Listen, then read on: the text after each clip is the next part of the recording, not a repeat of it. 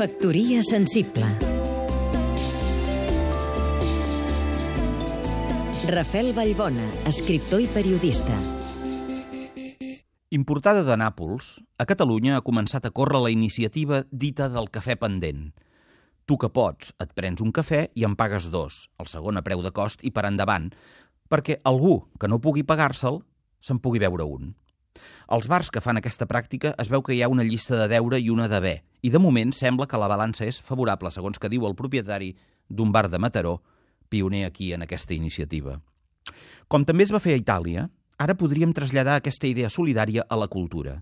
Qui en tingui, que pagui una mica més i que se'n benefici qui no hi arriba i que no pateixi la comissió de la competència, perquè el profit que en trauria el pagador serà moral, és a dir, sense desgravació fiscal. I per l'artista només es tracta de protestar contra la conversió de la cultura en un vulgar producte de mercat que és el que l'han rebaixat dels poders públics. Parles amb responsables d'administracions, de totes, i amb l'excusa de la crisi ja només valoren un festival, una exposició o una pel·lícula en funció del retorn econòmic, de quan deixa, no de la capacitat de transformar la societat i de fer progressar el pensament dels ciutadans. Evidentment que aquesta és una forma de desmantellar la capacitat crítica i transgressora de la cultura. Fa pensar, i això mai no convé al poder. Doncs ara més que mai, i precisament per això, oferim cultura de franc, com quan, tampoc no fa tant, estàvem a les trinxeres.